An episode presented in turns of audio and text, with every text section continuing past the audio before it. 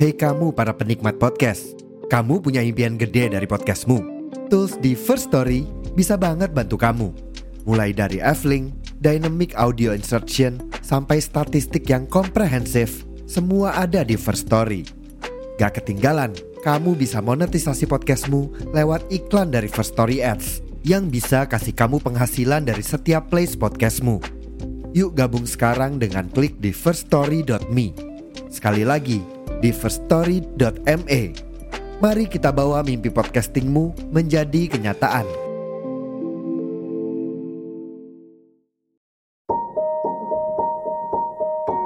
Halo, selamat datang di podcast Komik Indo. Komik kan biasanya dipakai sama autornya buat nyampein hasil pemikiran dia ya. Nah, beberapa bulan kemarin gue tuh baca komik yang justru nggak dibuat untuk nyampein opini kreatornya tapi justru untuk nyampein fakta lapangan.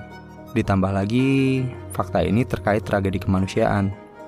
Komik yang mau gue bahas ini berjudul Kembali dari ISIS, karya Hasbi Ilman, selaku reporter dan komikus.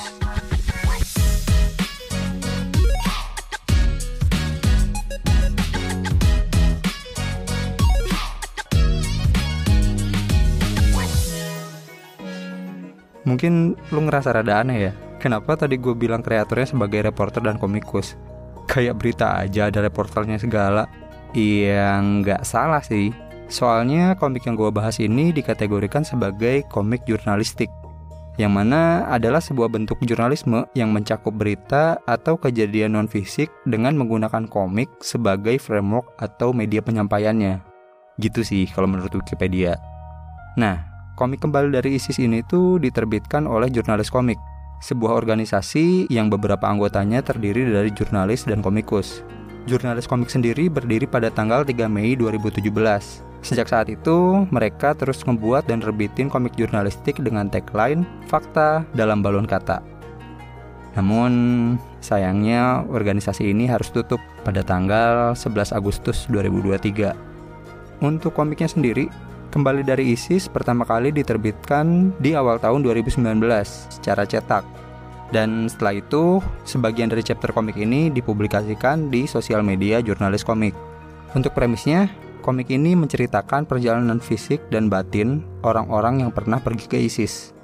Komik ini sendiri punya rating sepertinya untuk 15 plus karena temanya yang cukup berat dan karena komik ini punya genre jurnalisme, hmm, genre yang tidak biasa memang, gue akan sedikit membacakan klaim dari jurnalis komik ya. Gini bunyinya. Semua peliputan jurnalis komik adalah independen, tanpa intervensi dari pihak mana pun. Oke, gue pertama tahu jurnalis komik ini sebenarnya beberapa tahun lalu dari podcastnya Cosmic Ngepot yang dibawain Kanana. Setelah itu, gue ngikutin sosmednya mereka, dan gua pun baru bisa hands on komiknya sendiri di tahun 2023 kemarin di event Pakoban. Nah, sebelum gua ngasih pandangan gua tentang komik ini, gua kayaknya mau disclaimer dulu. Karena gua sendiri mikir kalau cara review gua yang biasa nggak bakalan cocok untuk komik ini. Tapi ya kita coba aja lah ya. Let's go. Oke, pertama dari universe-nya dulu yang paling gampang udah pasti. Karena komik ini berbasiskan fakta jadi universe-nya pun yang dipakai harus dunia yang kita tinggal ini. Untuk settingnya di komik ini banyak nyeritain kisah yang ngambil tempat di Suria karena kan emang ISIS itu kepanjangan dari Islamic State of Iran and Syria. Kebanyakan sih kisahnya ngambil di kota Raqqa. Semoga nggak salah sebut ya. Yang jadi ibu kota ISIS. Tapi ada juga sebagian kecil cerita yang setting tempatnya ngambil di Indonesia kalau setting waktunya, komik ini ngambil waktu di rentang 2015 sampai 2018 di mana lumayan banyak orang-orang Indonesia yang pergi ke Suriah dan terlibat dengan ISIS. Untuk karakternya sendiri, di komik ini ada tiga karakter utama, yaitu Raihan, Febri, dan Dania. Jelas, penilaian yang biasa gue lakuin, apakah karakter itu manusiawi atau enggak, itu nggak bisa dipakai. Karena karakter komik ini orangnya jelas ada, Bahkan umur saat mereka nyeritain hal ini pun jelas gitu. Cuma kalau gua ngebahas sikap dan perilaku yang mereka lakuin di cerita komik, ini entah ya, mungkin karena gua tahu beneran ada orang yang ngelakuin dan melalui hal ini, gue jadi bisa lebih bersimpatik gitu dibanding dengan biasanya. dan apa ya gue mau bilang karakter development tapi takut kurang sopan apa ya proses pendewasaan aneh juga. Ah ya udahlah karena gue ngebahasnya sebagai konteks komik gue bilang karakter development aja nggak apa-apa lah ya.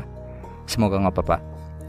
Untuk karakter developmentnya untuk ketiga karakter ini tuh ada tapi sebagai sebuah cerita terlalu straightforward menurut gue ya tapi karena ini jenisnya jurnalistik ya jadi mungkin emang harus langsung kayak gitu. Nggak boleh ditambahin bumbu apa-apa lagi terus untuk ceritanya sendiri mungkin di komik ini ceritanya bisa gue kelompokkan jadi cerita utama dan sampingan kali ya.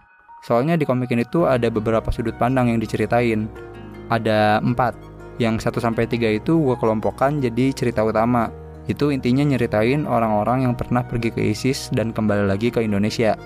Dan yang cerita satu lagi itu salah satu sudut pandang orang Indonesia memandang gimana ISIS gitu Nah, untuk ceritanya sendiri, mungkin kurang lebih komentar gua mirip sama kayak karakternya ya.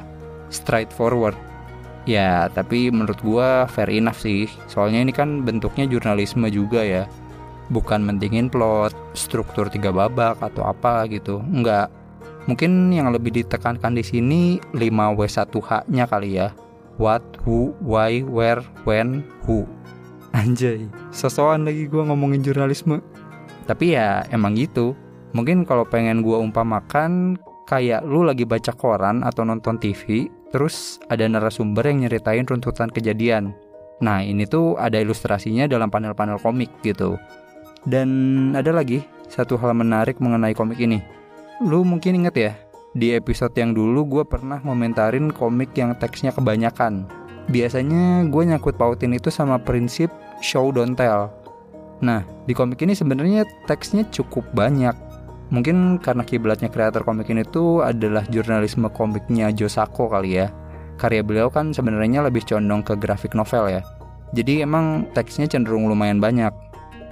Terus gue tuh sebenarnya mau bisa kayak reviewer komik yang lain gitu, bilang presentasi teks dan gambarnya berapa banding berapa. Tapi sejujurnya gue masih belum nemu formula yang serak cara ngitungnya gimana apakah plek-plekan ngebandingin presentasi balon kata plus narasi versus gambar dalam panel gitu gue masih belum tahu dan rasanya kalau ngebandingin kayak gitu tidak cukup fair sih tapi kalau gue kasih hitung-hitungan di komik ini tuh ada 1 sampai 4 balon kata atau narasi di tiap panelnya.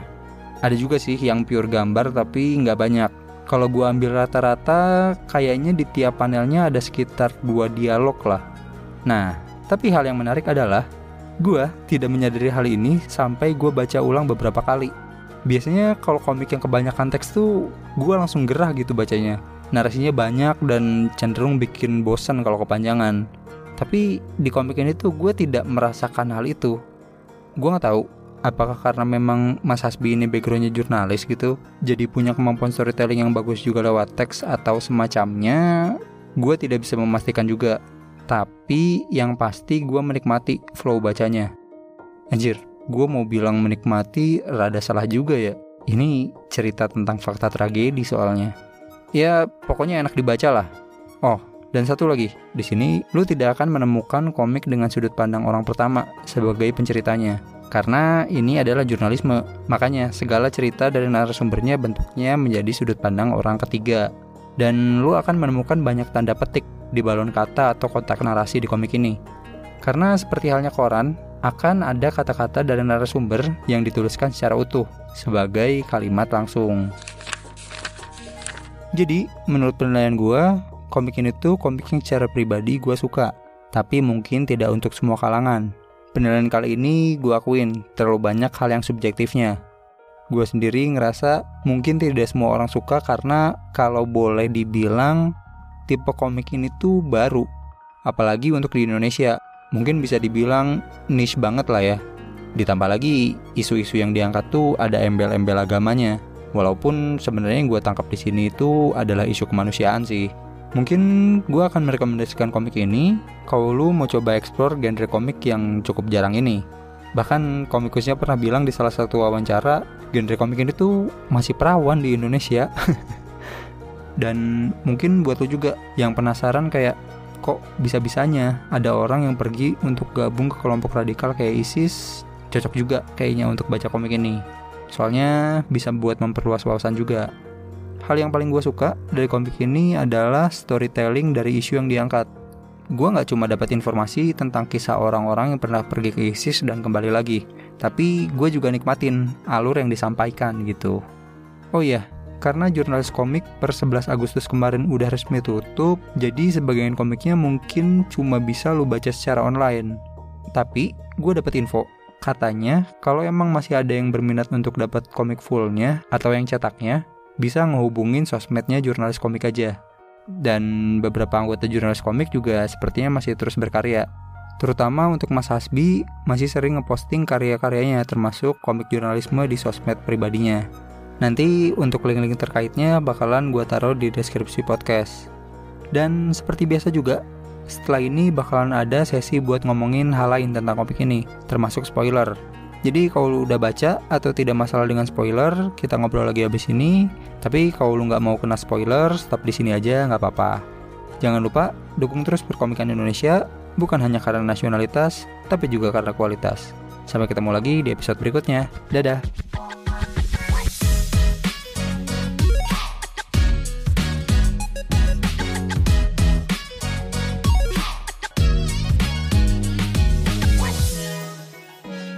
Oke, okay, side notes. Kayaknya side notes kali ini nggak akan panjang-panjang. Tapi pertama gue mau ngasih tahu seberapa mesnya gue sama komik ini. Gue tuh kan biasanya sebatas ngarepin dapat gagasan atau buah pikiran dari sebuah komik gitu. Kayak ini komikusnya mau nyampain opini apa sih di komiknya. Tapi komik ini tuh bukan sekedar ngasih opini, tapi fakta. Fakta bro. Gue tidak bilang lebih bagus atau lebih buruk ya, cuma dimensinya aja udah beda gitu Terus juga saking inginnya memberikan fakta secara nyata, dia ngasih cerita apa adanya aja. Padahal cerita masing-masing narasumber kalau dikembangin menarik semua menurut gue. Yang berangkat untuk nyari kehidupan lebih baik, terus ada yang berangkat demi nyusul nyari keluarga yang berangkat ke sana, tapi pas nyampe ternyata keluarganya udah mau pulang. Sama yang satu lagi, anak yang mau pergi ke ISIS ditentang sama orang tua, tapi anaknya kekeh dan akhirnya orang tuanya ikut demi ngejagain anaknya sampai rela berhenti jadi PNS dan jual aset-asetnya buat berangkat ke Suriah gitu. Ini hebat-hebat sih ceritanya tapi komikusnya nggak mau ngasih bumbu apa-apa. Udah straight forward aja. Terus menurut gua komik ini tuh ada call to actionnya gitu. Jadi ada kan di satu panel yang bilang narasumbernya tuh nonton wawancara tentang mereka di YouTube. Nah, abis baca komik ini tuh gue jadi ngepoin video yang mereka mention gitu. Jadi komik ini tuh kayak abis dapat berita dari komik ini, ada nextnya apa gitu. Dan kalau mau lebih jauh lagi juga di komik ini mention apa yang dilakuin orang-orang yang pernah pergi ke ISIS itu dan ya siapa tahu juga abis baca dan pengen bantu mereka juga mungkin bisa kali ya. Mungkin ya, gue tidak mencari tahu sampai sejauh itu soalnya. Terus dari komik ini juga gue ngerasa ada sedikit seneng dengan kebijakan pemerintah Indonesia. Jarang-jarang ini gue memuji kebijakan pemerintah kita tapi dari komik ini gue tahu Indonesia itu adalah negara yang masih nerima residivis matan ISIS gitu. Kalau di komik sih dimention katanya satu-satunya negara yang nerima. Gue tidak tahu memang satu-satunya atau tidak, tapi memang nggak banyak.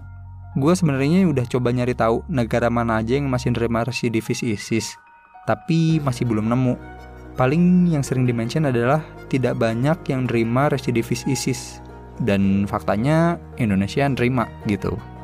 Ya memang hal itu sangat beresiko sih.